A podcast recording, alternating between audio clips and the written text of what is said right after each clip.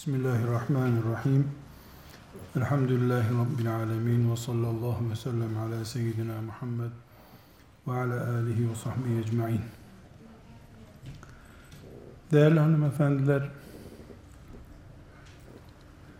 sorulara cevap vermek veya Allah adına konuşmak ya da Müslümanın fetvasına cevap vermek dışarıdan bakıldığında kolay gibi görülürse de hem soru sahibi hem de soruya cevap veren açısından işin ucunda cennet veya cehennem olan riskli bir iştir.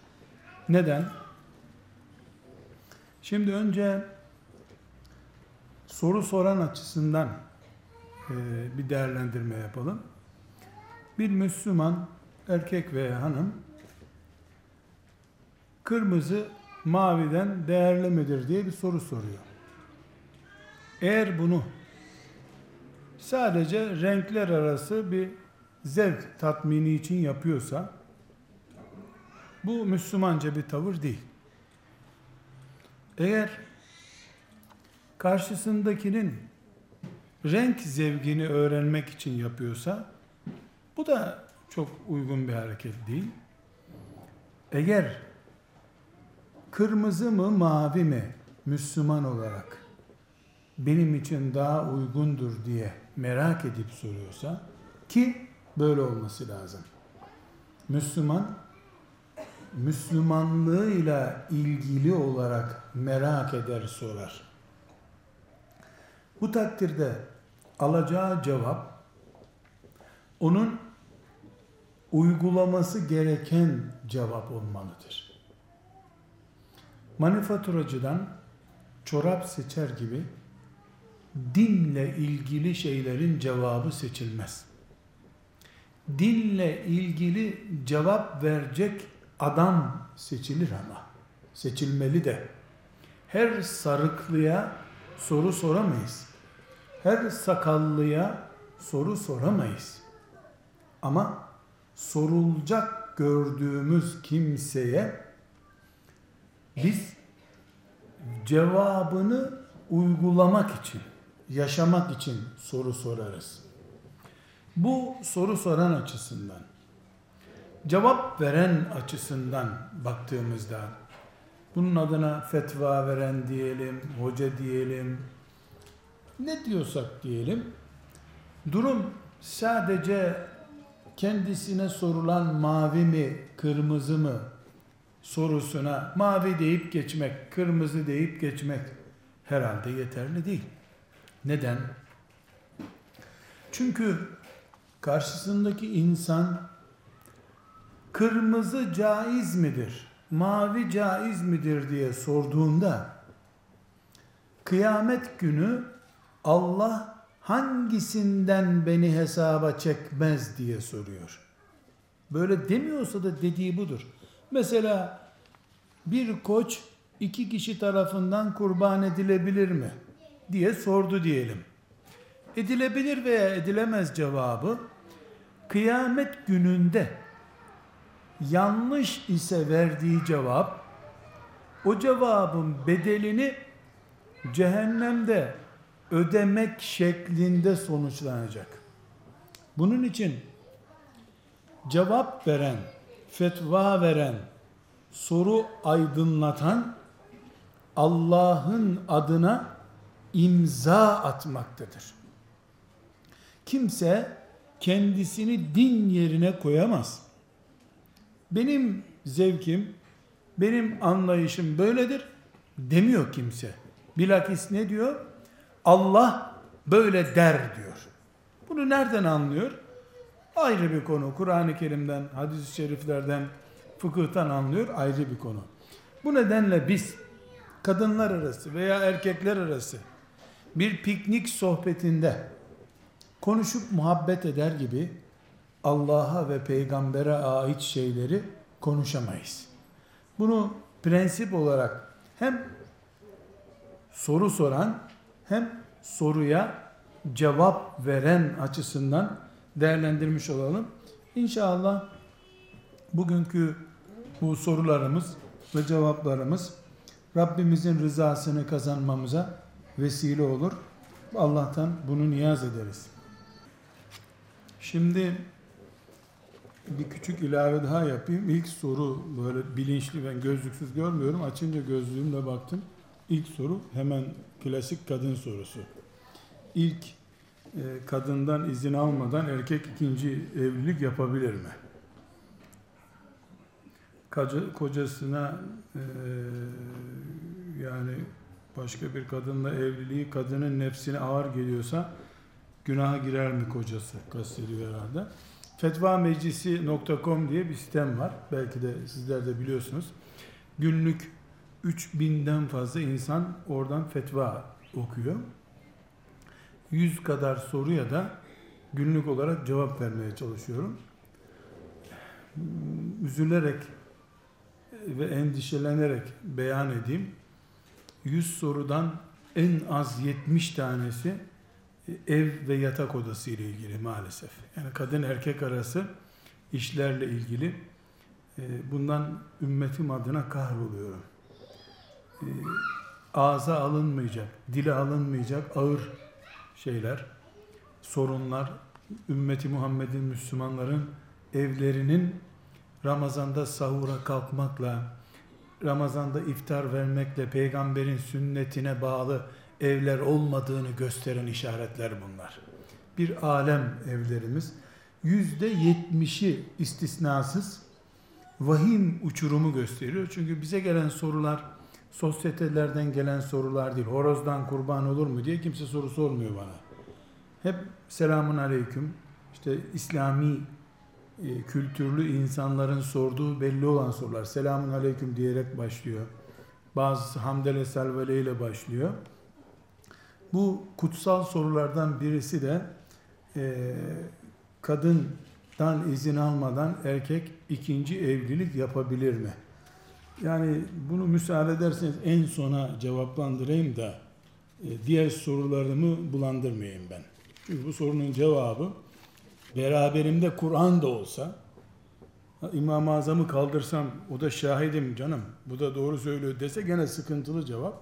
Böylece cevabımı da vermiş oldum ben aslında ama yine tabi e, kıyamet endişesi olan birisi için susmak diye bir şey yok. Diğer e, sorulara geç onu cevaplandıracağım ama en son olsun o inşallah.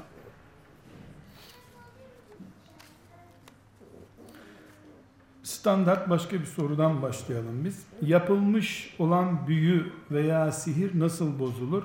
Bir kimse kendisine yapılanı bozabilir mi? Bu yeterli olur mu?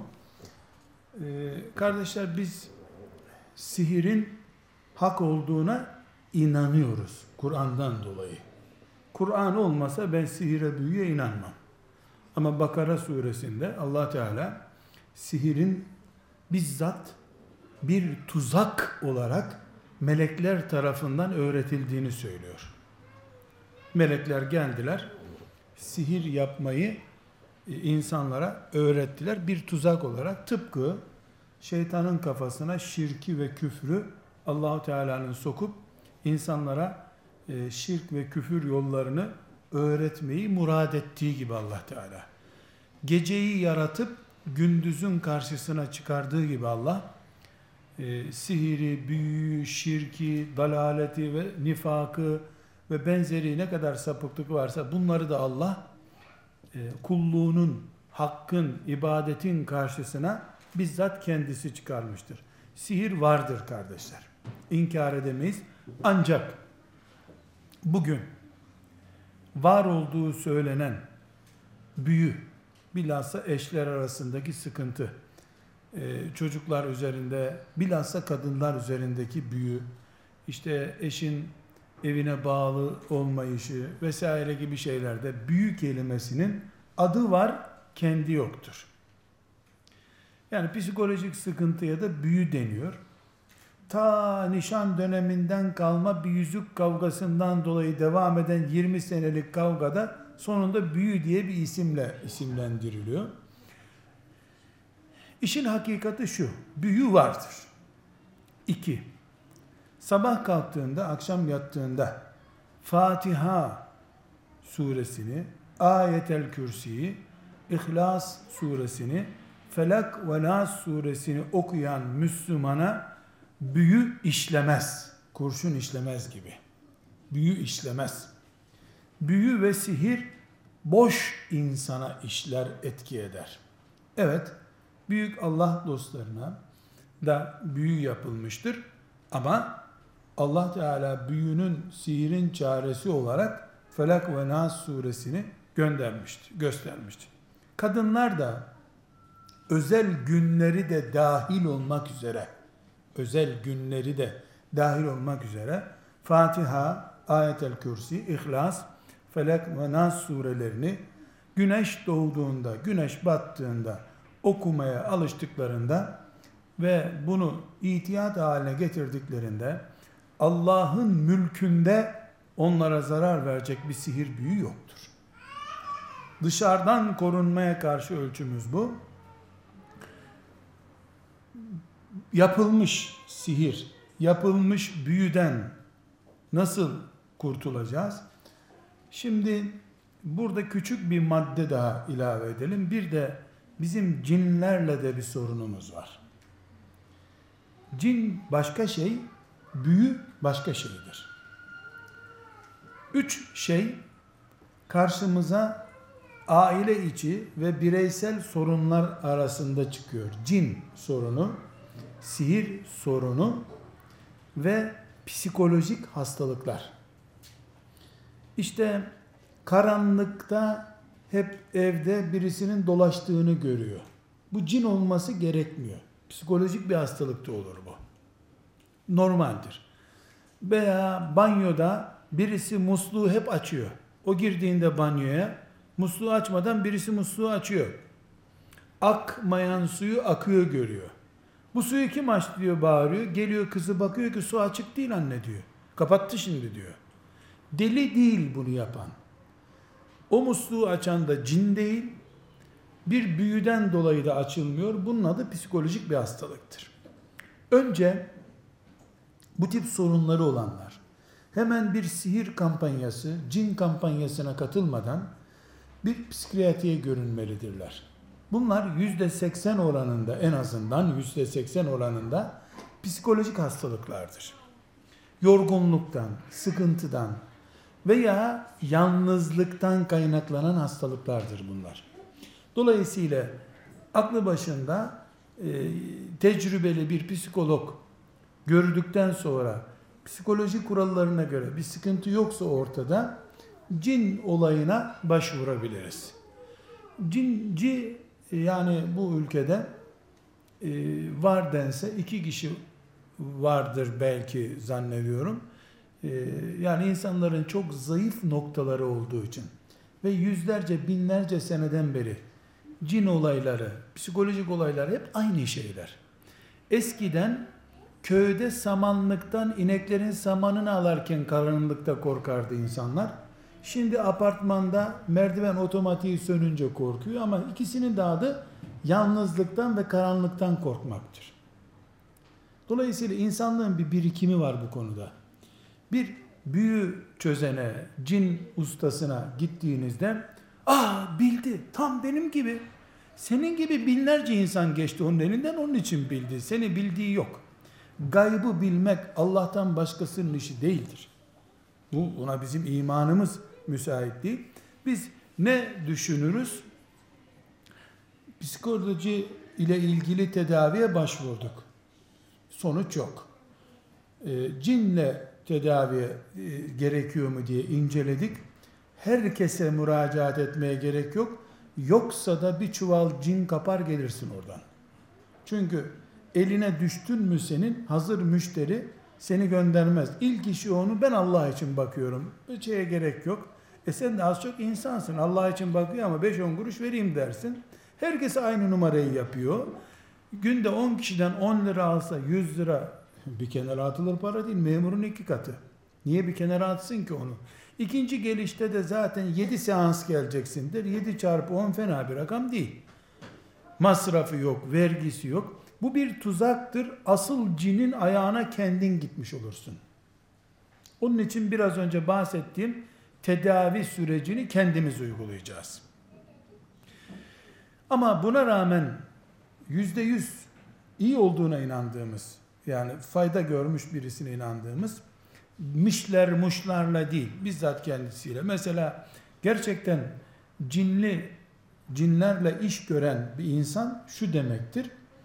O insan olduğu halde bizim gibi cinlerle masaya oturmuş taşören olarak çalışıyor cinlere demektir. Müslüman olur veya olmaz ayrı bir konu. Cinlerin taşörenidir o. Dolayısıyla cin işinden anlayan bir adamın yanında elektrik trafosunun dibinde oturur gibi oturursunuz. Sizi hemen etkilemeye başlar. Altınızdaki sandalye sallanır. Ee, sizi çektiğini görürsünüz. Gerçek cin hocaları böyledir. Gerisi e, işlerle meşgul olan, ömür çürüten ama bu işin e, cambazlığını yapan tiplerdir. Bunlara düşmemek gerekir. Büyü içinde aynı şey geçerli. Demek ki önce psikolojik boyutuna bakacağız. Bir psikiyatri uzmanını muhakkak göreceğiz. Ondan sonra gerekiyorsa cinli tedaviye başvuracağız. Büyü meselesine gelince biz e, büyü çözecek kimsenin olmadığına inanıyoruz. Yapılmış bir büyü de görmüş değilim şu ana kadar. Ama büyülü binlerce insan gördüm. Ortada büyü yok, bir şey yok. E şey buldu, kapının altında bir kağıt buldu. E ben herhalde eve gittiğimde bin kere büyülenmiş olurum bu kağıtlarla. İlkokuldaki çocuğun karalamalarından birini buldu mu kağıdı işte kaynanası yatağın altını temizlerken kalın bir kıl buldu. İşte keçi kılı mıdır, öküz kılı mıdır kıl buldu. Müslüman yürekli insandır, ucuza satmaz kendisini. Ama asıl siyasetimiz biz e, sabah güneş doğarken ve güneş batarken Allah'a sığınmaya alışmalıyız. Hayatımız böyle olmalıdır. E, bu tip dedikodular maalesef kadınlar arasında daha çabuk yayılıyor. Ahirete iman, Allah'a itimat konusunda bilgimizi takviye ettikçe bunlardan da inşallah kurtulacağız. Burada önemli bir sorumuz var. Ee, ben özetleyeyim. Erkek hanımını annesinin babasının yanına gitmeye engelliyor. Gidersen boşarım seni diyor. Ee, evli bir bayan eşine isyan edip annesinin babasının ziyaretine gidebilir mi? Ya da ne yapmalı bu durumda diyor. Bir defa iki şeyi arkadaşlar kabul etmemiz lazım. Birincisi böyle diyen erkek e, erkeklerin en nazi olan Muhammed Aleyhisselam'ın ümmetinden olmamalı. Onun ümmetinden bir erkek böyle konuşmaz. Ama onun ümmetinin içinde Ebu Cehil de var. Bu Müslüman da olsa böyle Ebu Cehil kabalığıyla yaşayan birisi de var. Bu bir. Yani bu, bu ümmetin ayıbı değil. Bu ümmetin içinde bulunanların ayıbı. Muhammed Aleyhisselam insanlığın, erkekliğin en naziydi. Onun ümmetinden olacak olanlar nazik olacaklar. İkinci olarak bir kız nikahlanıncaya kadar babasının emrindedir. Nikahlanma dahil babasından başkasının devlet bile olsa onun üzerinde yetkisi yoktur. Şu kadar ki baba e, sağlık sorunu olan yani akıl sorunu olan biri olur ya da müşrik olur. Velayet hakkı babadan alınır. Dedeye geçer mesela. Ama bunun dışında Allah'ın kadın olarak yarattığı bir kız nikahlanıncaya kadar babasının yüzde yüz itaatindedir. Nikah kıyıldığı dakikadan itibaren de yüzde yüz erkeğinin emrindedir. Babasının yetkisi sıfıra düşmüştür. Yüz olan yetkisi sıfıra düşer babasının. Evli bir Müslüman kadına babasının, kocasının babasının da dahil olma. Hiçbir babanın müdahale hakkı yoktur. Evli, nikahlı bir kadının üzerinde iki kişinin hakkı olur. Bir Allah'ın hakkı, bir de kocasının hakkı olur. Şimdi bu kuralları, iki kuralı söyledikten sonra bir kadının annesini babasını ziyaret etmesi sılayı rahimdir. Sılayı rahim şeriatımızın emirlerinden biridir. Bir kocanın Allah'ın emirlerinden bir emri kaldırıyorum demesi dinden çıkmasını gerektirir. Hiçbir koca babana gidemezsin, ağabeyine gidemezsin diyemez. Dediği an e, biraz önce söylediğim gibi e, naziklerin sultanı peygamberin ümmetinden olmaman gerekiyor. Bu bir kabalık. Kocalık hakkı Allah'ın hakkını kaldırma yetkisi vermez. Ama ama abimin damadının e, kayınçosunun abisinin damadının kayınçosunun okuldan arkadaşının çeyizi var. Ben oraya gideceğim bugün dersen tokmağı kafana vurursa o erkek kaba değil o zaman. İyi be Nijerya'daki bir düğüne de git artık. Yani Allah'ın sıla rahim başlığı altında koyduğu bir hakkı suistimal etmek de yok. Burada erkek de kadın da şeriatı kural olarak benimseyecekler. Mesela şeriat nafile oruç tutma kocanın sıkıntıya düşmesi söz konusuysa diyor. Nafile namazları bile uzatma diyor. Niye? E, aile ilişkileriniz senin namazın, orucun yüzünden sıkıntıya girmesin diye. Namazdan ve oruçtan bile Perşembe orucu gibi, Muharrem orucu gibi bir oruçtan bile Allah ferahat et diyor. Sen ağabeyinin, damadının, kayınçosunun, okul arkadaşının çeyizini görmeye gideceksin. Buna güler melekler. Komiklik bu. Bu suistimaldir. Ama bir annenin babanın yani kadının annesinin babasının şehir dışında başka bir şehirde olması halinde yılda bir defa üç gün on gün ne kadarsa ziyarete götürmek kocanın görevidir. İzin vermek değil, bilakis götürmek. Otobüse koyup göndererek değil, kendisi götürecek, babasının evine bırakacak, duruyorsa duracak, durmuyorsa ben seni gelir alırım bir hafta sonra diyecek. Bu kadının Allah'ın tarafından tanınmış hakkıdır. Aynı şehirde ise bu yılda bir olmaz. Şehirdeki yakınlığa göre, iki ailenin durumuna göre üç ayda bir olur, ayda bir olur. Ama her günde olmaz. E madem her gün babanın evine gidecektin, niye evlendik o zaman da dedirtmemek gerekir. Bunun bir taamülü olur, bir örfü olur. Her gün gidersen, e, geldiğinde bir gün başka bir kadın bulursun evde, görürsün her gün babanın evine nasıl gidiliyormuş. Yani bu evliliğin içini de oymamak lazım. İçi nasıl oyuluyor evliliğin? Ana baba hasretinden hani Nasrettin Hoca evlenmiş de dul bir kadınla kendisi de dulmuş. Kadın zırt pırt eski kocam delikanlıydı şöyleydi diyormuş. O da bir gün kadın sussun diye demiş ki benim kadınım da çok güzeldi rahmetli öldü demiş. Kadın akıllanmamış. Gene kocam çok yakışıklıydı falan demiş. Bıkmış ve kadın bu küçücük yatakta dört kişi sığmıyoruz biz demiş. At şu adamı rahat yatalım şurada demiş. Yani evliliğin içini oymamak lazım. Her gün anamın evine Allah anaya itaat edin dedi. Bir kız annesinin babasının hastanede hizmetini görmek zorunda değildir. Erkek evladın görevidir bu. Erkek evlat işten çalışıyor, ayrılacak işten. Anasının hizmetini görecek hastanede. Çünkü başta ne dedik? Şeriatımız nikahlandıktan sonra kadını kocasının emrine vermiş, ana babadan almıştır. Ama nerede insanlık, nerede merhametli mümin olmak? Elbette kaynanan hastaysa damat olarak sen de gidip ilgileneceksin. Erkek evladı yok veya erkek evladı cennet istemeyen nasipsiz birisidir, ilgilenmiyordur anasıyla.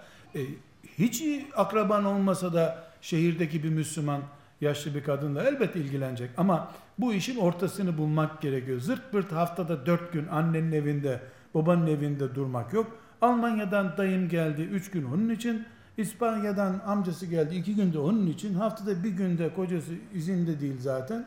Niye evlendik? Dedirtmemek lazım.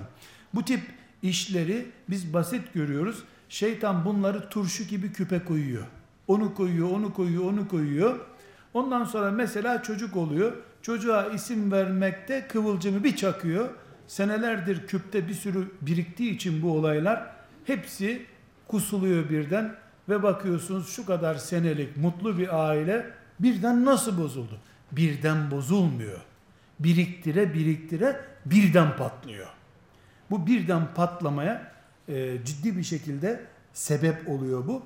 Kadın kocası tarafından annesine babasına gitmeye men edilemez. Böyle bir hakkı yoktur. Boşarım diye bir tehdit e, terbiye dışında, İslam'ın terbiyesi dışındadır. Ama şöyle bir ifadeyi kullandığı an kadın otomatik boştur. Nedir bu ifade? Sen babanın evine ayak bastığın gün boşsun. Boşarım sözü başka. Boşarım tehdittir. Yani vururum seni der gibi. Vurdum demek başka, vururum demek başka. Ama niyetinde boşayacağım varsa yine boşama olacağından çok tehlikeli bu söz. Yani o kadın yapacağı tek şey var, babasının evine bir daha gitmeyecek. O sözü o adamın da geri alması da mümkün değil. Yemin gibi değil bu. Hani e, bir daha mesela baba evi demeyelim örneğini vermek bile ağrıma gidiyor bunun. İşte eniştenlerin evine bir daha gidersen sen boşsun dediğinde eniştesinin evine ölünceye kadar gitmeyecek o. Ben o yeminimden vazgeçtim. Üç gün kefare tuttum. Yok artık.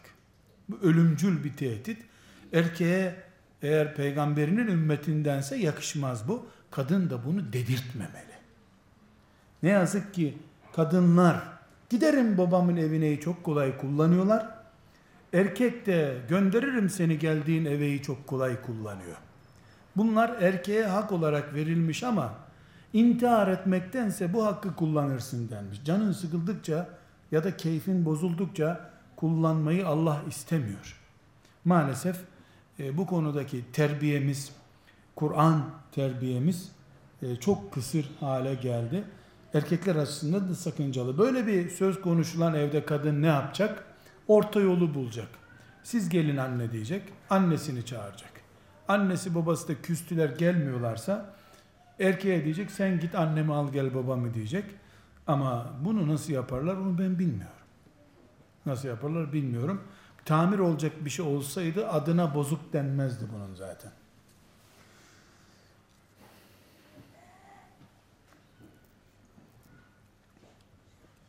Şimdi bazı kitaplarda eşler arasında muhabbet oluşması için zikirler, dualar var diyor.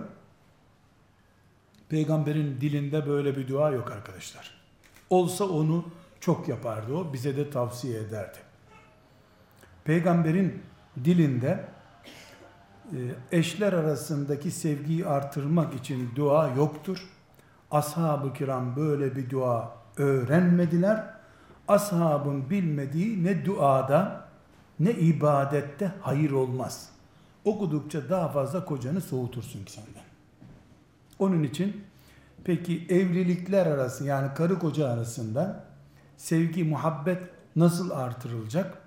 Bunun bütün dünyada siyah derililerle beyaz derililer arasında veya kuzeyde güneyde nerede olursa olsun arkadaşlar evliliğin sürdürülmesini dinden önce cümleyi bilerek söylüyorum ve kalın kalın söylüyorum dinden önce bedenler sağlar.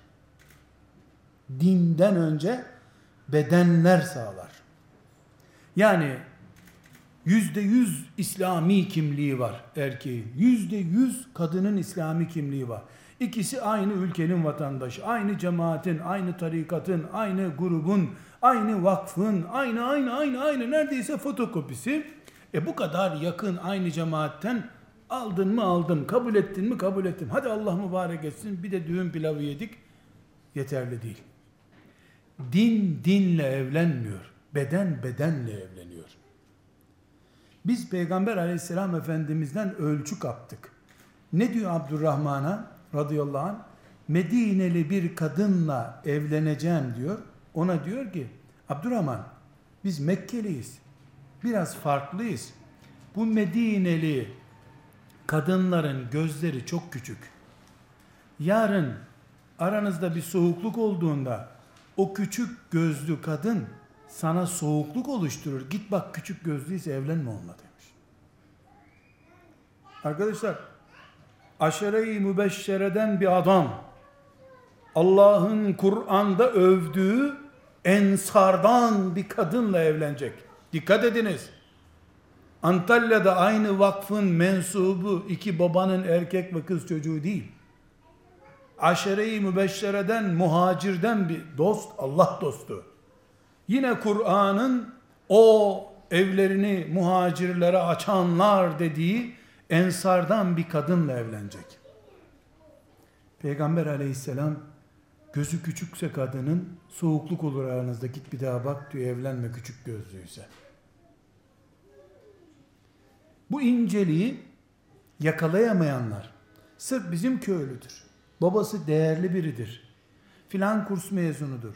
Filan vazifeleri yapıyor diye yaptıkları evlilikleri 50 sene bedel olarak ödediler hep. Evlilik bedenlerin keyfi sürsün diyedir. Göz yüzde yüz doyum sağlamalı.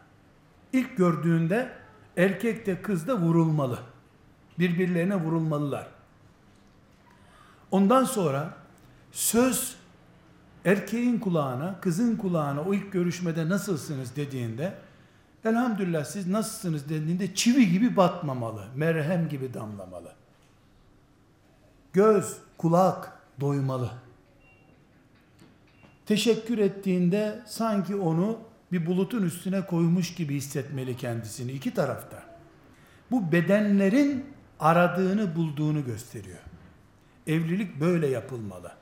Kurulurken böyle kurulduğu gibi kurulurken böyle kurulduğu gibi sürerken de evlilik böyle sürer. Şimdi bu kardeşinize çok müracaat geliyor. Hocam senin filanca tanıdığın bir boşamadığı kaldı beni. Ben ona üç tane çocuk verdim. Şu yaptıklarına bak bana diye sayıyor. Ben uzattırmam konuşmayı çünkü onun gibi çok kimse dinliyorum. Hemen ilk sorum.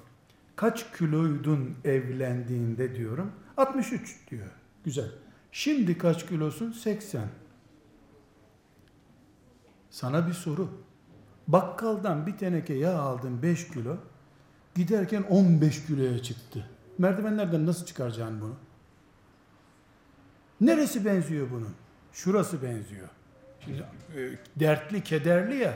Bunu anlaması mümkün değil onun. Anlamamak istiyor tabi.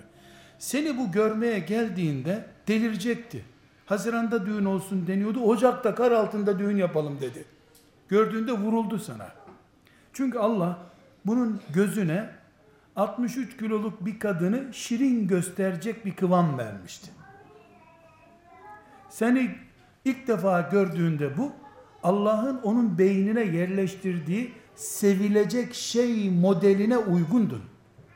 Çocuk doğurdun, arkadaşlarla poğaça ziyafetlerine gittin. Sebebi neyse helal veya haram ayrı bir konu. 63 kilonun üstüne sen 20 kilo daha koydun. Adam seni ilk gördüğünde vurulmuştu. Şimdi seni gördükçe alnından kurşun yiyip vuruluyor. Seni de sevecek bir yan bulam. E ben ona çocuk verdim. İyi çocukları seviyor. Verdiğin çocukları seviyor ama. Bak çocuklardan ayrılmak istemiyor. Madem çocuk vermeyi mazeret gösteriyorsun, sendeki sevilecek şeyleri verdin demek ki. Şimdi ne engel istiyorsun? Dolayısıyla buradan şunu çıkarıyoruz kardeşler. Sen erkek veya kadın nasıl sevildiysen o kıvamı korumak zorundasın. Bu Allah'ın da emri, peygamberin de emri ama bir ilave ile söylüyorum erkeğin de vazifesi bu. Kadının da vazifesi böyle, erkeğin de. Erkek de kız görmeye gittiği zamanki şıklığının üzerine çuval giymemeli bir daha. O delikanlılığı. Sen yarın sakal bırakacaksan zaten samimi Müslümansan düğünden önce bu sakalını bırak. Seni sakallı görsünler. Sakallı beğeneceklerse beğensinler seni. İbn Abbas Peygamber Efendimizin biricik yeğen yani amca zadesi ve e, Kur'an'ın mütercimi bir gün evine dönüyor. Yanında da arkadaşları var. Bir su birikintisi görmüş yerde. Su birikintisi. 60 yaşında o zaman. Peygamber Efendimiz'den çok zaman sonra tabi. Su birikintisine eğilmiş. Üstündeki sarığını çıkarmış. Saçlarını düzeltiyor. Sakalını tarıyor. Ne yapıyorsun? Yani bir sünnet midir? Çünkü ayna yok. Aynanın yerine suya bakmış. Suda kendini görüp sakalını düzeltiyor. Kaşlarını düzeltiyor. Bu sünnet midir suya bakıp yok yok yok eve gideceğim ya hanımım iyi görsün beni demiş. Demişler ki bu yaştan sonra mı bir de erkek adamsın demişler. Karı hazırlansın sana. Yani kadın böyle görünsün. Öyle değil demiş. Ben onu güzel görmek, istemek hakkım olduğu gibi onun da beni yakışıklı görmek hakkıdır demiş. Bu sahabe kafası. 60 yaşındaki sahabinin kafası. Güzel olsan ne olur? Tıraş olsan ne olur demiyor. Ben onu güzel görmek istiyorum. Kardeşler, Peygamber aleyhisselam efendimiz ne buyuruyor? Şu mantığa dikkat edelim. Ne dedi? Muhabbet duası var mı? Muhabbet duası yok, muhabbet işi var. Onu anlatıyorum. Sizden biriniz diyor Peygamber aleyhisselam efendimiz. Sizden biriniz uzak bir yerden evine döndüğü zaman geç gelirse mahalle mescidine gitsin, orada sabahı beklesin, gece evine gitmesin diyor. Anahtarlar bende. Gece niye evime gitmeyeceğim? Neden biliyor musun? Kapıya vurdun. Kim o? İşte evin sahibi Ahmet. Bekle biraz. Denecek hali yok. Bekle biraz denir mi evin kocasına? Kapı açılacak. Kadın 10 gündür kocası evde yok zaten. Paldır küldür çamaşırları dağılmış, saçları dağılmış. 10 günde mesela 10 gün 15 gün hanımından ayrı kalmış bir erkekte boşamaya karar vermiş olsaydı bile evinden ayrılırken özlemiştir onu. Usulü bu bunun. Böyle yarattı Allah. Bir de bakıyor ki fesubhanallah uykudan kalkmış ağzı kokuyor. Saçları dağınık. Üstündeki kıyafet kömür taşımak için giyilmiş bir kıyafet. Öf bunu mu özledik yollarda diyor. Şeytan bir dosya koyuyor bir kenara. Öbürü de uyku sarhoşluğuyla nereden geliyorsun kaçta geldin diye böyle yarı sarhoş soruyor. Doğru dürüst hoş geldin demeye mecali yok kadıncağızın. Yani uykudan kalkınca insan hoş geldin de diyemez. E, benim uykum çok sen yat yemeğin de orada dolaptaydı deyip neyse ha, biz demek ki sevilmiyoruz bu evde dedirtiyor şeytan. Peygamber aleyhisselam efendimiz muhabbet duasını öğretiyor. Ne bu dua? Ya akşamdan haber verin ya akşamdan haber verin. Bu gece geleceğim haberin olsun diye kadın seni hazır beklesin. Ya da sabaha kadar mescitte yat. Kadıncağızı kötü pozisyonda yakalama. Taif'ten 100 kilometre Mekke'ye yakın 100 kilometrede Ömer bin Kattab Medine'den geliyor. Taif'ten e, geliyorlar. Hanımı Mekke'de daha önce kalmış. E, bir delikanlıya diyor ki hızlı git hızlı git haber ver eve geliyoruz bizi beklesinler diyor. Mantık ne? Şehvetine düşkün Ömer mi bu? Çok film izledi de cinselliği kabardı öyle mi diyeceğiz? Sünnete uyuyor. Paldır küldür kadını taciz eder gibi eve girmek yok. Muhabbet duaları bunlar işte. Bu işin duası bedenledir. Yemekledir. Yemek yapmakladır. Mesela muhabbet duası isteyenlere söyleyeyim. Perde duası diye bir dua var. Koltuk duası diye bir dua var. Her kitapta bulunmaz bu. Nedir o? Eğer sen kocanı gerçekten seviyorsan, aranızdaki sevginin artmasını istiyorsan, hanımını da yüzde yüz seviyorsan, birbirinizin ortak sevdiği renklerden perde alacaksın. Evinizin koltuk rengi, döşeme rengi, her neyse duvar rengi adamın uyuz olduğu renkten olmayacak.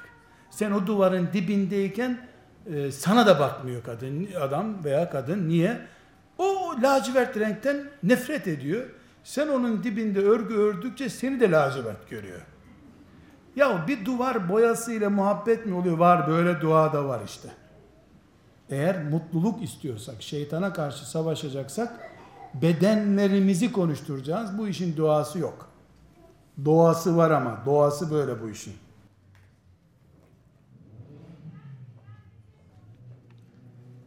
Burada önemli bir soru gözüme çarpıyor.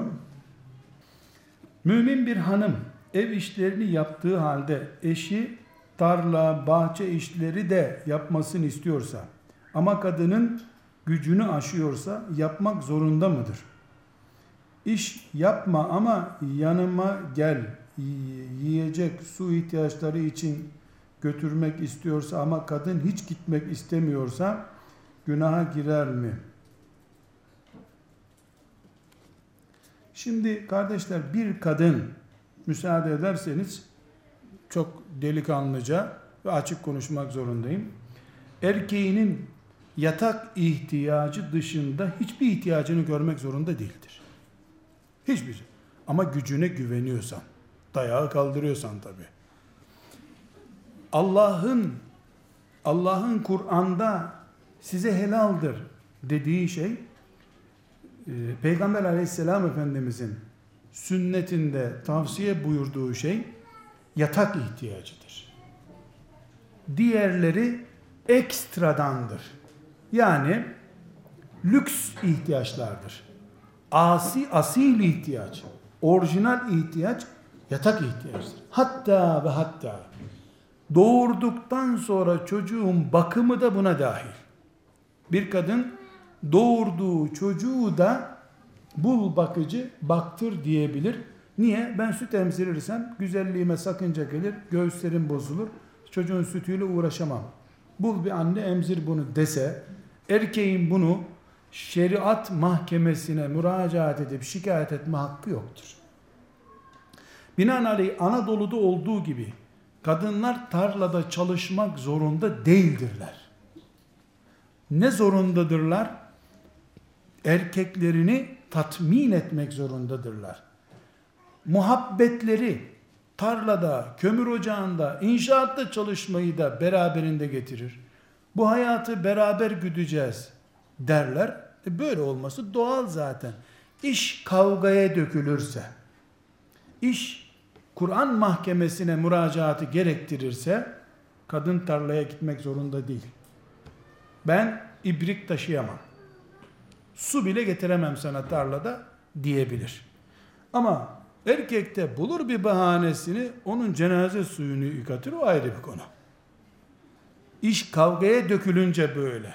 Kavgaya dökmeden maden ocağında bile çalıştırırsa erkek beraber mutlu bir şekilde çalışırlar. Bir kadın niye ben tarlaya gelmek istemiyorum der? İki şeyden dolayı. Bir, bedeni bunu kaldıramıyordur, hastadır. Erkek zalimliği kabul edecek hali yok herhalde. Hasta birini niye tarlaya götürsün?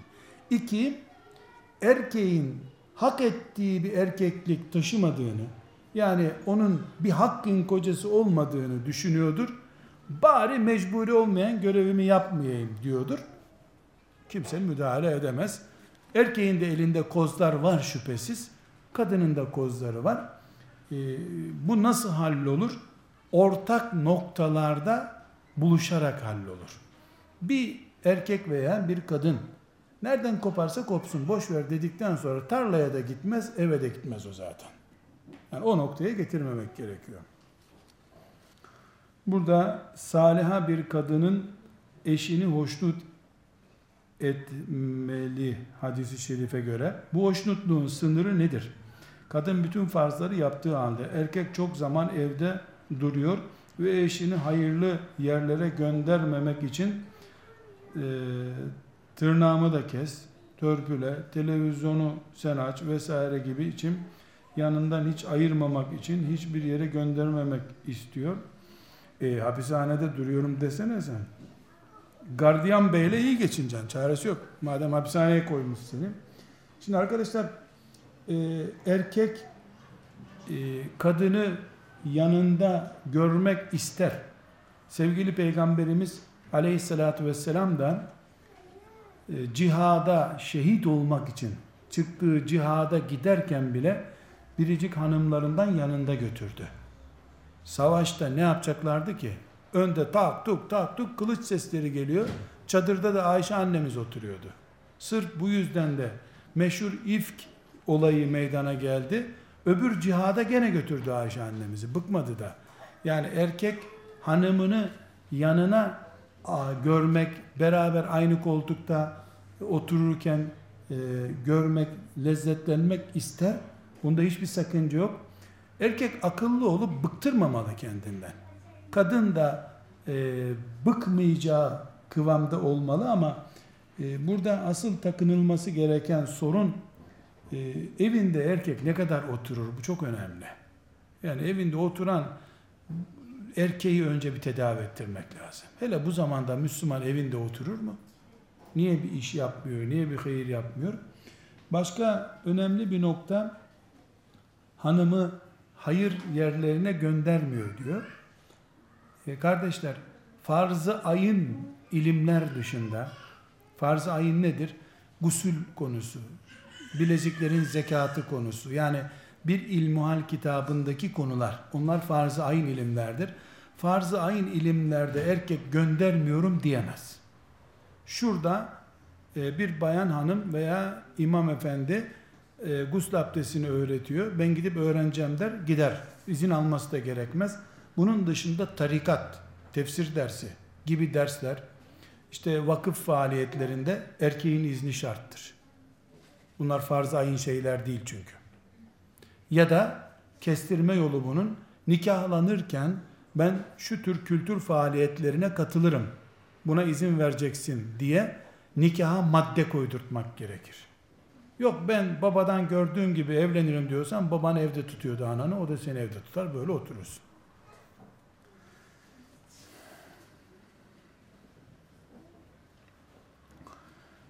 Müslüman bir kadının tesettürü nasıl olmalı?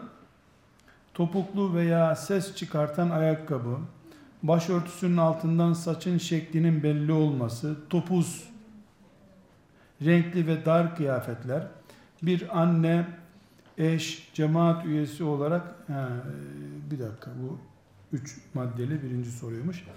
Kardeşler, İslam'da İslami kıyafet yoktur.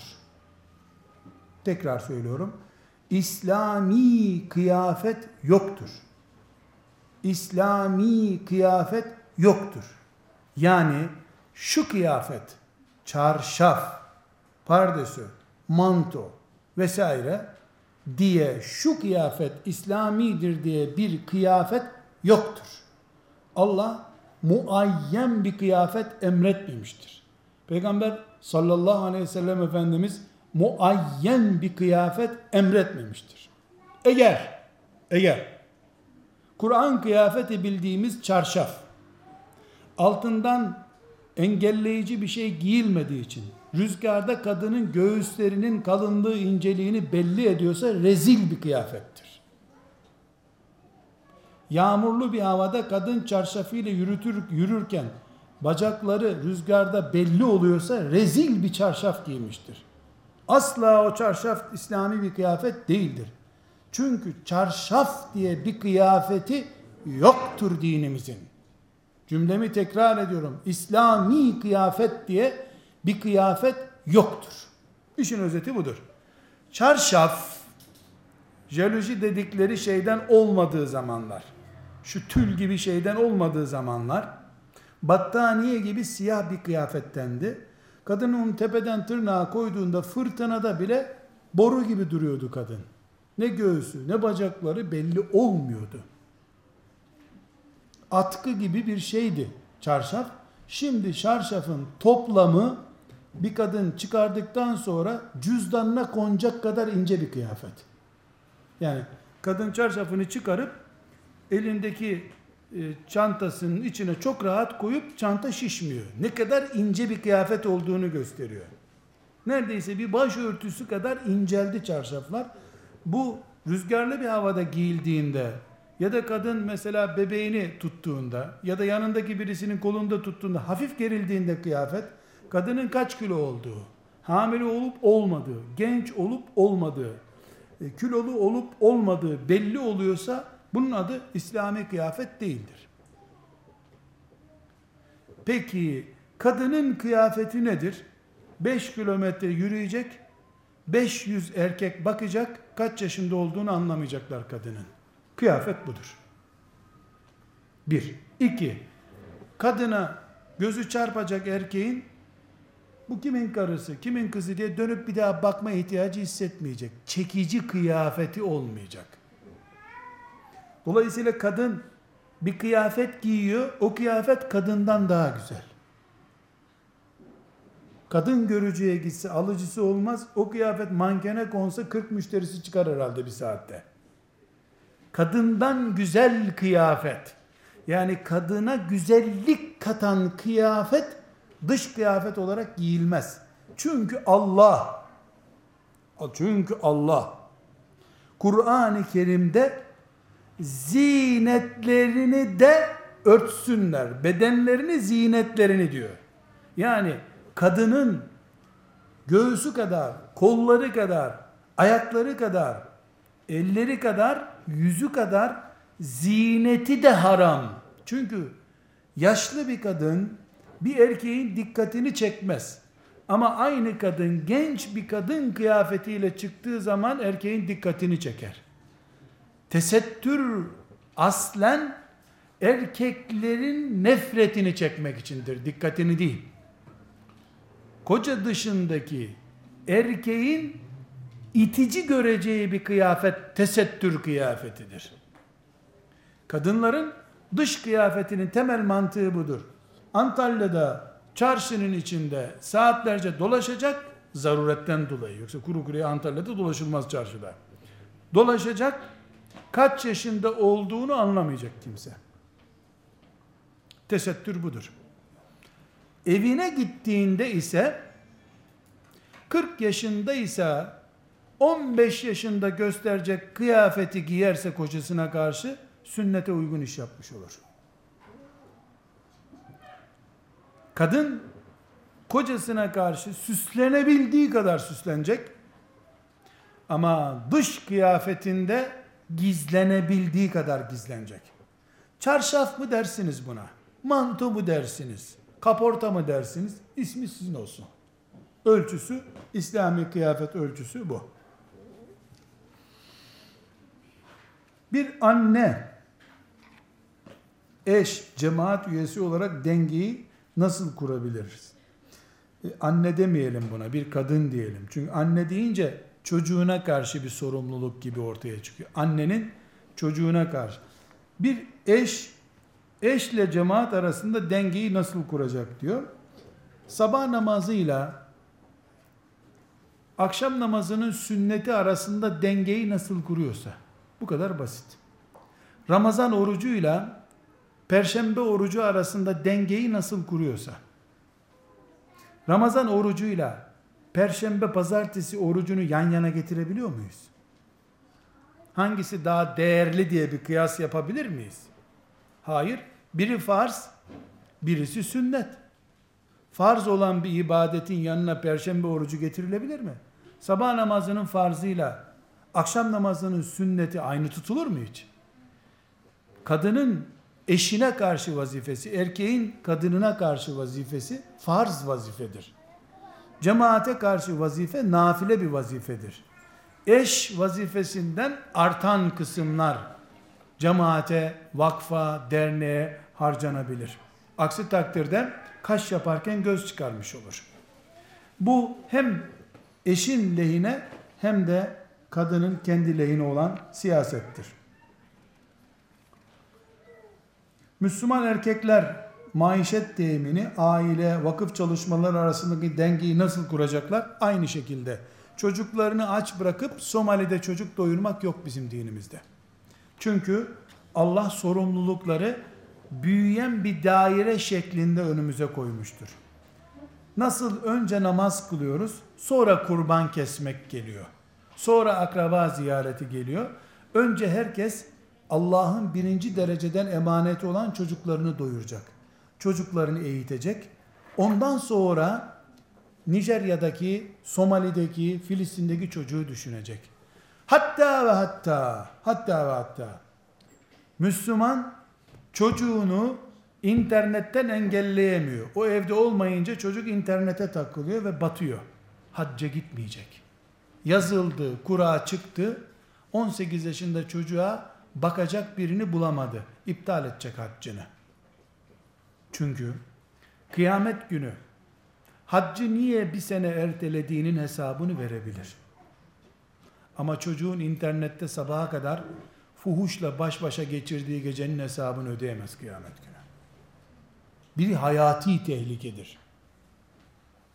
Ben haccı seneye inşallah çocuğu evlendirince yapacağım der. Bu özürdür Allah katında. Ama bu çocuk bu sabaha kadar internette rezil ahlaksız sayfalarda dolaştı. Akidesi, imanı sarsıldı. Bir dahaki sene iman edecek inşallah mı diyeceksin? Cemaat işleri ümmet işidir. Hepimizin başının üstünde taştır. Ama evden artan vaktimizde. Eğer bir Müslüman çocuklarını Allah'a kul olarak yetiştirmekten vakit artıramıyorsa, beş tane çocuğu var, her biriyle ilgileniyor, art, ancak namaz kılacak kadar vakit kalıyor, fabrikaya gidecek kadar vakit kalıyorsa, o cemaate gitmeyecek, benim benden para alın arkadaşlar diyecek. Çocuklarını büyütüp evlendirmiş olanlar gitsinler e, vakıfta hizmet etsinler diyecek. Çünkü vakıf bizim görevimiz ama birinci görevimiz değil. Birinci görevimiz Allah'ın odamızın yanı başında yatan evladı bize emanet ettiğini unutmadan yapacağımız görevimizdir.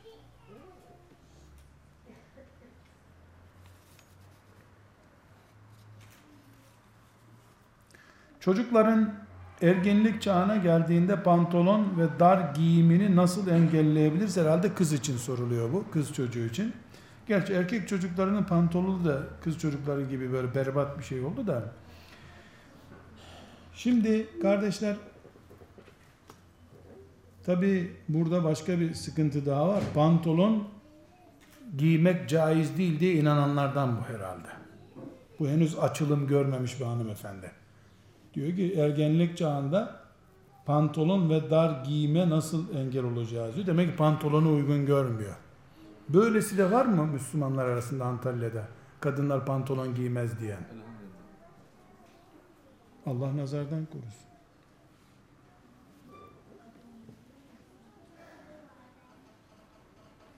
Pantolon veya dar kıyafet hepimizin tahmin edeceği gibi kardeşler bir özentinin ürünüdür. Genç imrenir, özenir, pantolon giyer, imrenir, özenir, çıplak gezer. E, sadece maymunlar birbirini görerek taklit etmiyor. İnsanlar da birbirini görerek taklit ediyorlar. Bu gözlüğün nasıl kullanılacağını benden önce gözlük kullananlardan öğrendim de böyle taktım. Yoksa bu ne işe yarar diye haftalarca elimde dolaştırabilirdim bunu. Hep taklit ediyoruz. Bu ne demek? Kızımızın pantolon giymesini uygun görmüyorsak ki Allah razı olsun böyle görmek lazım. Çünkü bu zübbelik pantolonla başlar. Pantolon konusu inşallah yoktur burada girmeyelim o konuya. Pek çok Müslüman çünkü küsebilir. 10 sene önce bize sorularında caiz midir diye soruluyordu. Şimdi pantolon giymesek günah olur mu diye soruyor hanımefendiler. Hatta bazısı kot pantolon caiz değil diyorlar öyle mi kadınlar için? Yani pantolon caiz de kot pantolon olunca caiz olmuyormuş diye anlıyorlar. Kardeşler tek çaremiz var. Kızımız pantolonlu kız görmeyecek. Eğer teyzesinin kızını pantolonlu görürse 11 yaşında bir kız ergenlik çağına gelmeden önce siz ona Abdülkadir Ceylani'nin mezarına soksanız orada ona cennetten manzaralar gösterse inandıramaz bir daha. Çünkü uygulamalı güzellik her zaman caziptir. Her zaman caziptir. Tekrar ediyorum. Çocuklarımıza iman, akide, ilmuhal bilgileri vereceğiz. Öğreteceğiz. Helal nedir, haram nedir, tesettür nedir? Öğreteceğiz. Bunlar yüzde kırk yarayacak işimize. Yüzde altmış örnek üzerinden yürüyecek. Bu bir, yakın akrabaya sansürü gerektiriyor. Pantolonlu akraba, pantolonsuz akraba diyeceğiz. İki, baş belası televizyon sorunu. Üç, internet sorunu. İkinci, bunları halledeceğiz. Nasıl halledeceğiz? Ayrı bir konu tabi. Bir üçüncü mesele de kardeşler, kızlarımızın neyi görmemeleri gerektiğini bilmemiz şart olduğu gibi ne görmeleri gerektiğini de bilmemiz lazım. Yani iyi örnekler de göstermek zorundayız. Şimdi kızımıza dinsiz olma diye telkinatta bulunduğumuz gibi müttaki din sahibi ol diye de göstermemiz lazım. Plaja gitme dediğimiz gibi ki o gitme demek bir görev, vakfa git demeyi de bilmemiz lazım. Liseye göndermemek bir çare değil. Liseye muadil bir yere göndermen lazım çocuğu. Yani sadece masayı boşaltamazsınız. Boşalttığınız masanın üstüne siz bir şey koymak zorundasınız. Hep yasaklayarak çıldırtırsınız çocuğu. Bu sefer meraktan dolayı bir giyeyim şunu der. Ama çocuğa zamanında kim olduğunu, kimlerden olduğunu, şuurunu verirseniz, biz buyuz derseniz, filanca kötüdür demenize gerek kalmaz. Ben buyum der zaten. Şimdi bakınız, terör örgütüne 15 yaşında çocukları sokuyorlar, dağa çıkarıyorlar, ölümüne bomba bağlayıp sağa sola atıyorlar. Çok önemli bir nokta ve iyi örnek bizim için bu. 15 yaşında çocuğu bir gün alıp gel oğlum bu bombayı al öl deseler kalkıp gitmez değil mi herhalde? Hangimiz gideriz? Ama o çocuğa ne yapıyorlar? İlk günden itibaren biz ve şunlar ve şunlar şunlar derken de dudağını bükerek şunlar şunlar diyor. Şu şu, şu gördüğün polisler var ya şunlar şunlar. Hih, böyle yapıyor. İlk günden itibaren fareden, köpekten nefret eder gibi nefret ettiriyor karşı taraftan. Bir gün, iki gün, üç gün kendisi filanca şehrin sokaklarında ayakkabısız, çıplak, tamam mı? Eğrenilecek vaziyette gübre ahırların dibinde oynuyor. Üstü şık, artist gibi bir e, e, şuna bak diyor. E, e dediği üstünde sinek konmamış kıyafetler var. Bu sinek fıçısının dibinde oynuyor. Aidiyet böyle bir şey. Onu bir yaşından itibaren e, onlar cici biz bak ne kadar güzel gübre. Aa, sineklere bak hep üstümüze konuyor. Diyorsun fare, sinek kutsal hale geliyor o zaman. Biz kendimizi biziz ümmeti Muhammed. Biz Ayşe'nin peşinden gideriz. Hatice binti Hüveylid'in peşinden gideriz. Biz Meryem'in peşindeyiz. Asiye'nin peşindeyiz diye kızlarımızı başlarında Asiye'nin ve Meryem'in bulunduğu bir ordunun cengaverleri, mücahitleri olarak yetiştirmemiz başka. Gizli gizli biz de şuradaki buradakilere imrendiğimiz sahnelerle münafıkça çocuk yetiştirmemiz başka. Hem ümmeti Muhammed'deniz deyip kandil akşamları doya doya ağlıyoruz. Simit de yiyoruz kandildir diye. Öbür taraftan da başkalarının bayramlarının kıyafetlerini çocuğumuza seve seve giydiriyoruz. Ramazanda Ramazan bayramı kıyafeti, filan zamanda da filanın bayramının kıyafeti. Bu münafıklık şahsiyetsiz çocuk yetiştirmek demektir. Şahsiyetsiz çocuk pantolon giymeyecek de ne yapacak? Çıplak mı geçsin zavallı? Umarım anlaşılmıştır. Günümüz gençlerinde çok fazla dışarıya özenti var. Bu özenti de bunun gibi bir şey. Evin içini dolduramıyoruz biz. Yeteri kadar gezdiremiyoruz. Çocuğun e, ergenlik çağına geldiğini hissedemiyoruz. Olmaz, olmaz. Yok yok yok yok. Diyoruz. Sen askeri bir lider gibi görünüyorsun çocuğun gözünde. Serbest bulacağı bir yere kaçmak istiyor. çocukların şehvetleri, yeme arzuları, arkadaş ihtiyaçları gibi e, ihtiyaçlarını helal yollardan tatmin sistemleri geliştirmek zorundayız. Burada ileriki sorularda var mı bilmiyorum. Evlilik yaşıyla ilgili e, küçük bir işarette bulunmam lazım. Anneler, bilhassa anneler, çocuklarının evliliği ile ilgili konuşulduğu zaman henüz daha tertemiz, bebek gibi diyorlar. Ne kadar çirkin bir söz bu. Bebek gibiyken evlendirmek lazım. Tertemizken evlendirmek lazım çocukları. İlla harama el tuttuğu zaman mı çocuğu evlendireceğiz?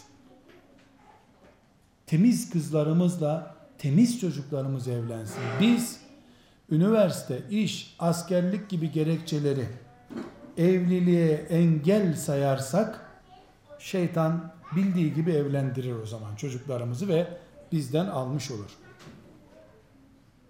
Türk dizileri İslami bildiğimiz birçok aile bakımından e, bakmadan bıkmadan seyrediyorlar. E, seyretmenin hükmü nedir?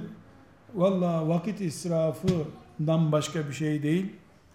E, diziler bizi zincirleyip gidiyor. E, Müslümanın evinde televizyon bulunmasın diyemiyorum. Dizi seyredilmesin de diyemiyorum.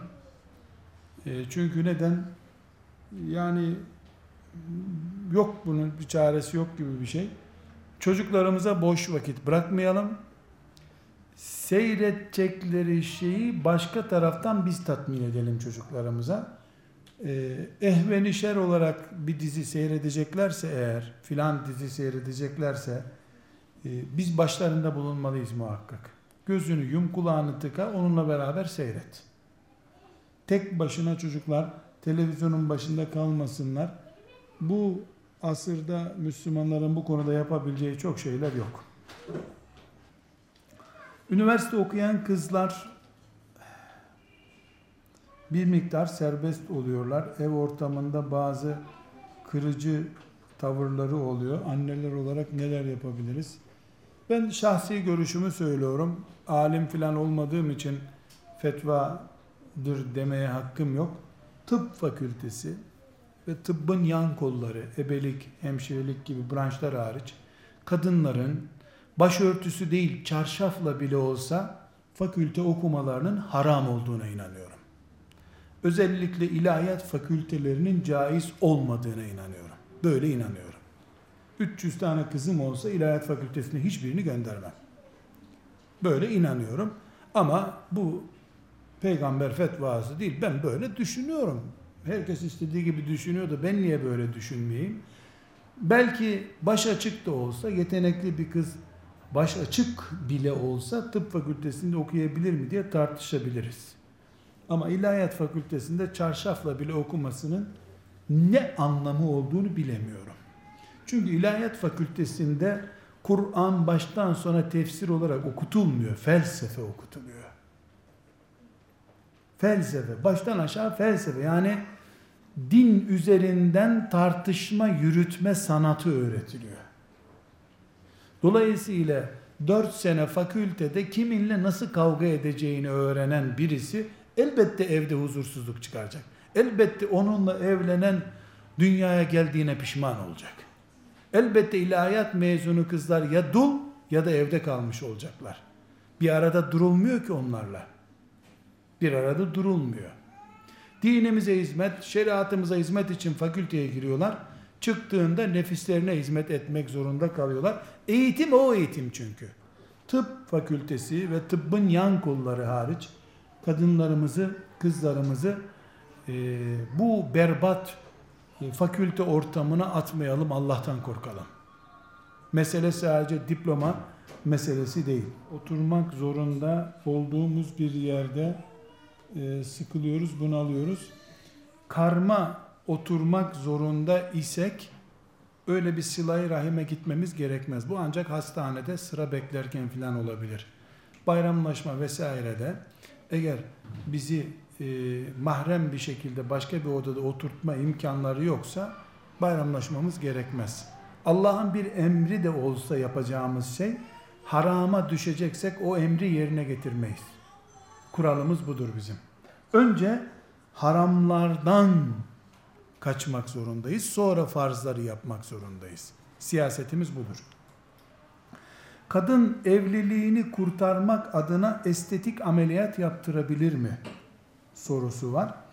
Fıtratı değiştirmek midir bu? Evvela biraz önce değindiğim gibi kadınlar estetiğini bozmayacaklar.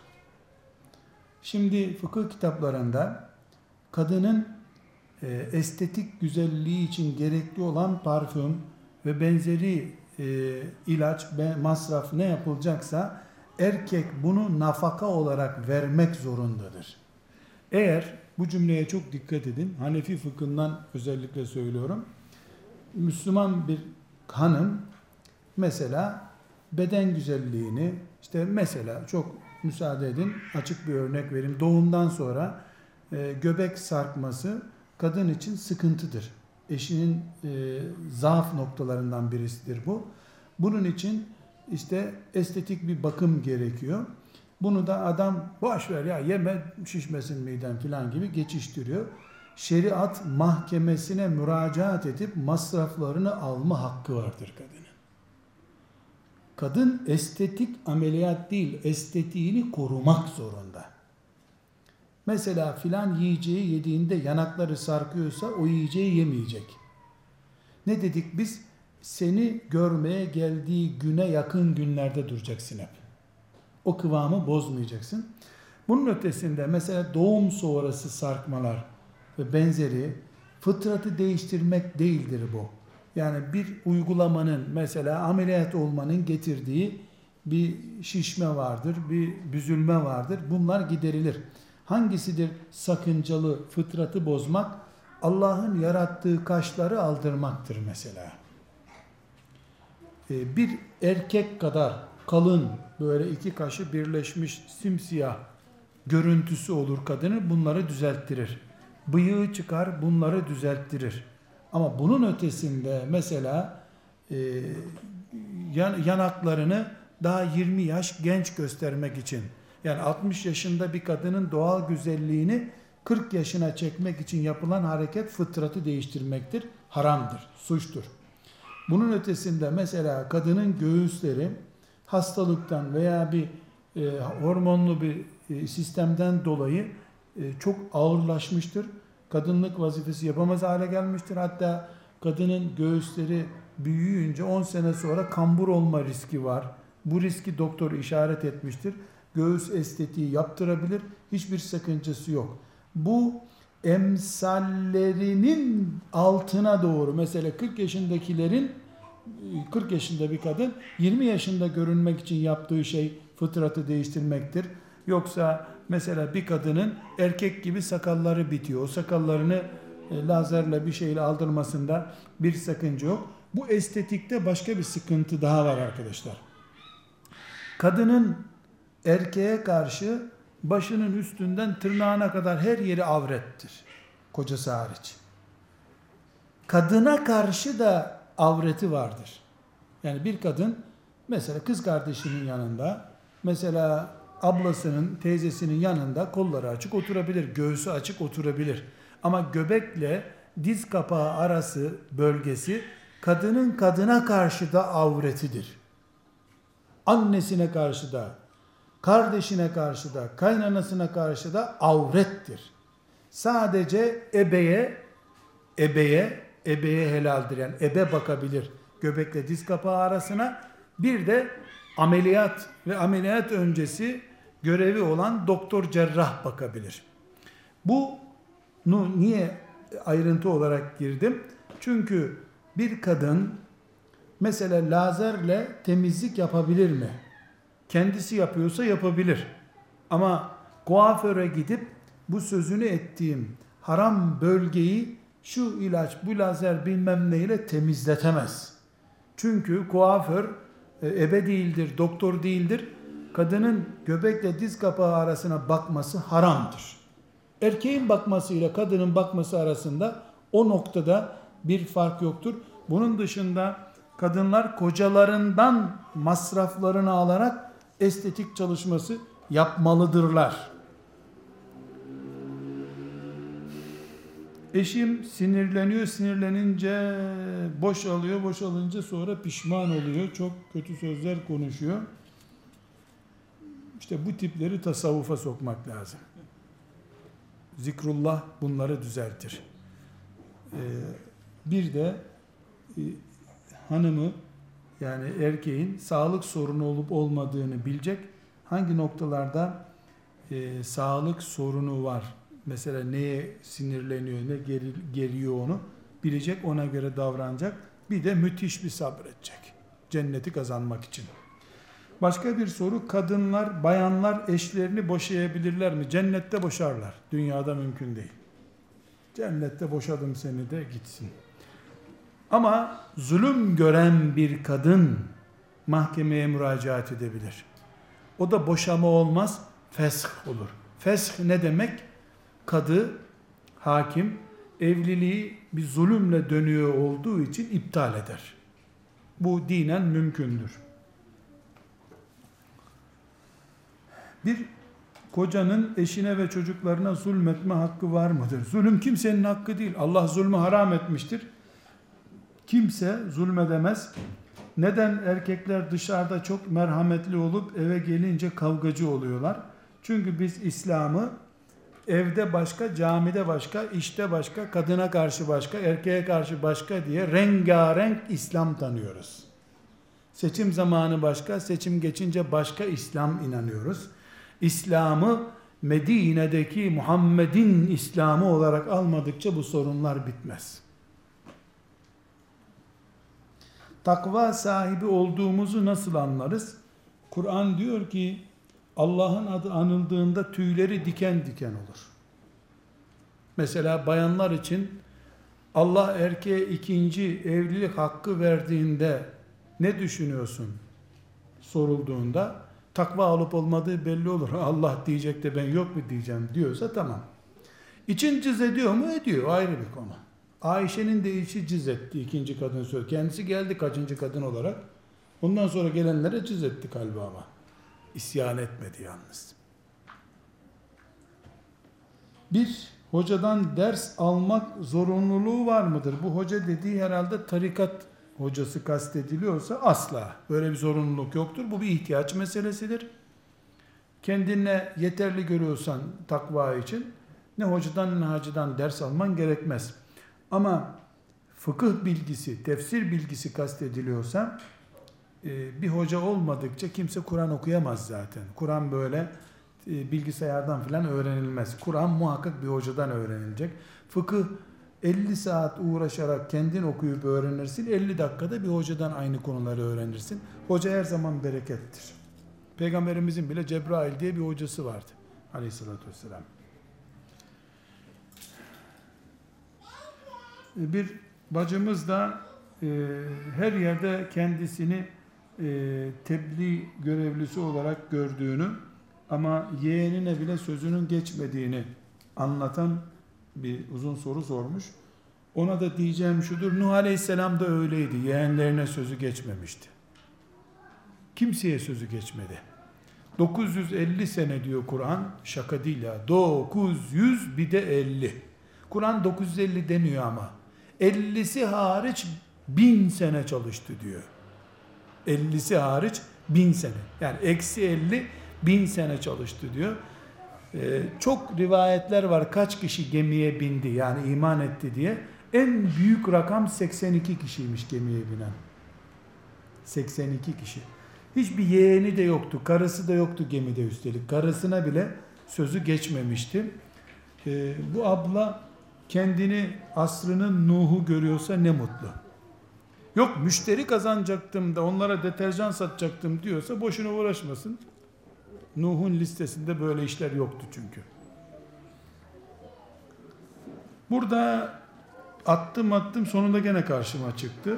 Çok eşle evlilikte kadının izni alınması gerekiyor mu? İzni Allah verir. Kadının vazifesi ikinci eşin yollarını doğal olarak tıkatmaktır doğal olarak erkeği denetleyip çıldırtarak değil. Şimdi hanım kardeşler erkekleri denetleyerek, telefonlarını, mesajlarını kontrol ederek uyuz edip niyeti yoksa da erkeğin aklına bunu. Yani eşeğe karpuz kabuğu gösteriyorlar. Mesele bu. Böyle engelleyemez. Fıtratı bozamaz. Ee, evlilik, ikinci evlilik, Adem Aleyhisselam'dan beri yaratılmış bütün kadınların rahatsız olduğu bir şeydir. Ama ben aklım ereli beri anlamadığım bir şey var. Bütün kadınlar, bütün kadınlar kocalarının bir daha evlenmelerine karşıdır da milyonlarca erkek nasıl başka kadın bulup evleniyorlar ikinci defa? Bu sorunun cevabı nerede? Demek ki bütün kadınlar buna karşı değil ya da kadınlar işlerine gelmedikçe karşılar buna. Ya da bizim bilmediğimiz işler var burada. İnsanoğlunun anlamadığı işler var. Kardeşler, hiçbir insan karnı doyduktan sonra lokanta aramaz. Karnı aç olan lokanta arar.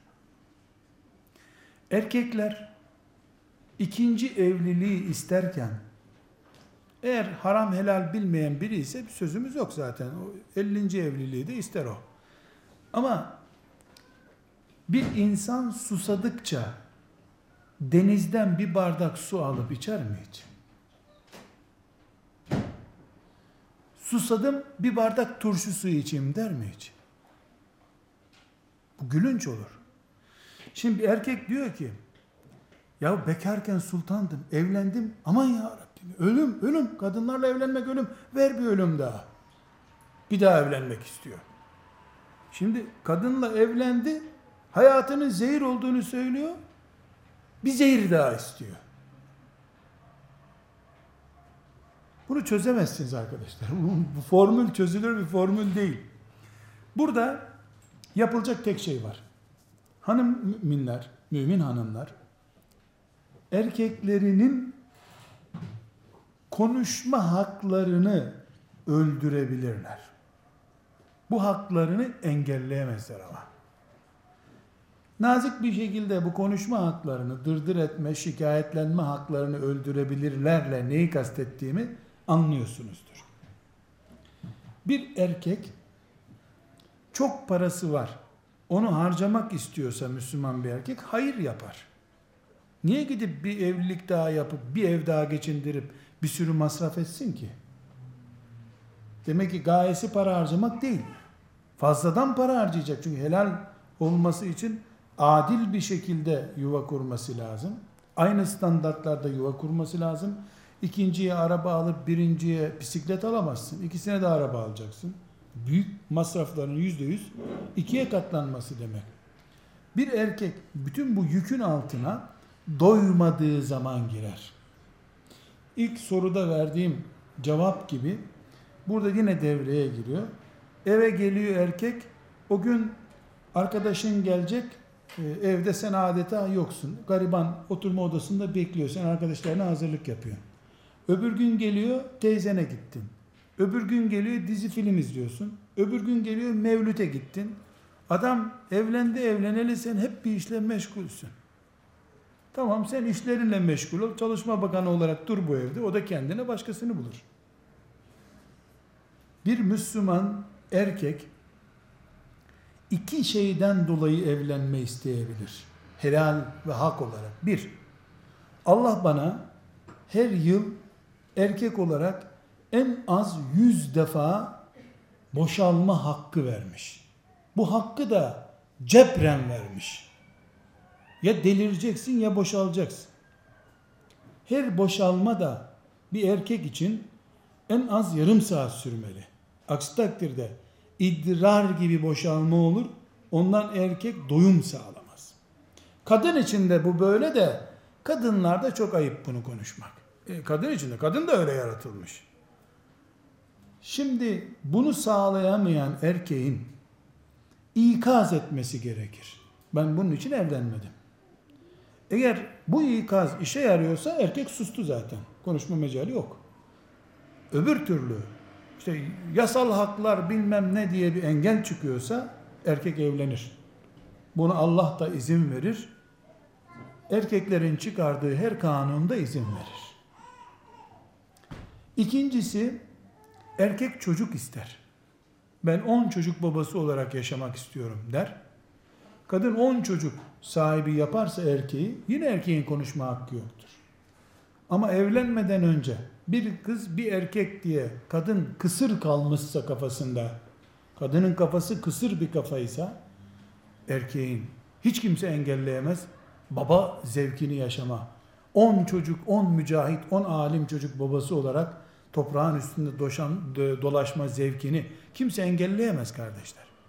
Burada hanımlarımız Allah rızası için gayret edip bu iki konuda bu iki konuda mesela bakın üçüncü bir konu olarak misafirlerine ikram etsin karısı demiyorum. Çok meraklıysan misafirlerini lokantaya götürürsün. Kadıncağız hem senin çocuğunu temizleyecek, uyutacak hem de senin arkadaşlarına bir kazan kebap yapmak zorunda değil. Alıp kadını arkadaşlarıyla beraber lokantaya götürürsün. Akrabalarını lokantaya götürürsün. Hep beraber yemek yersiniz. Yani bu bir ikinci evlilik yapmanın doğal nedeni değil, meşru bir nedeni değil. Ama bizim meşru nedenimiz çocuktur ve Allah'ın e, yapımıza koyduğu sistemin gereğidir. Kadınlarımız Allah rızası için bu görevlerini hatırlamalıdırlar ve bu görevlerini ifa etmelidirler ki bu yaşadığımız toplumda erkeklerin bu ikinci evlilik kelimesini e, konuşmalarından kaldırmalarına sebep olsunlar. Şimdi tabi hanım kardeşlerimiz erkek ortamlarında ne olduğunu bilmiyorlar ama üç erkek Müslüman espri için bir piknik için bile bir araya gelseler 10 dakika sonraki gündemleri ikinci kadındır. Sonra da bakarlar ki bu iş olmuyor. Isıracak köpek dişini göstermez deyip mangalda pişirdiklerini yer giderler. Ama öbür mangal olduğunda gene öyle konuşurlar. Neden? Çünkü 3-5 derken hemen hemen her erkeğin bu konuda bir yürek yarası vardır. Her kadının da rüyalarına giren bir korkusu vardır. Şeytan da bu işten besleniyor zaten. Ama şu sorumu sizlere tekrar sorayım. Bir dahaki buluşmamız ne zamansa inşallah bana cevap verin. Bütün kadınlar kumadaya düşmandırlar, kuma istemezler de. Milyonlarca erkek kuma olacak kadını nereden buluyorlar? Hem de İslamcı kadınları buluyorlar. Bu sorum önemli. Erkek doktor yani erkek jinekok doktor, kadın doğumcu doktora Müslüman kadın gidebilir mi? Ehil kadın doktor yoksa 90 kilometre mesafede gidebilir. Şeriatta kilometre 90 kilometre seferilik mesafesi. Ee, mesela İsparta kaç kilometre buraya? 120. İsparta'ya gitmesi gerekmez kadın doktoru aramak için. Efendim? Mesela Bucak, Antalya'dan Bucak 70 kilometre. Orada e, ehil kadın doktor varsa burada erkek doktora gitmesi caiz değil. Ölçümüz bu. Fakat doktor içinde doktor seçmek haktır. Yani dün diploma almış gelmiş kasap gibi elinde bu bıçak bekliyor onu da ameliyat olmak doğru değil. Yani ehliyet şart. Yani bayan doktor ama ehliyetli değil. Heh, bayan doktor var ehliyetli değil. Ehliyetli erkek doktor var erkek doktora gideriz. Başka bir konu bu soruyu da sorayım. Ehliyetli olsun veya olmasın kadınlar niye erkek doktor tercih ediyorlar? Niye kadın dişçiye gitmiyorlar mesela? Niye kadından dişçi olmaz diye inanıyorlar? Bu da bir soru olarak arşivimizde bulunsun. Dilerim Allah rızasını kazanacağımız biz iş yapmaya bizi muvaffak kılsın. Yaptığımız amelimizi kabul buyursun. Velhamdülillahi Rabbil Alemin.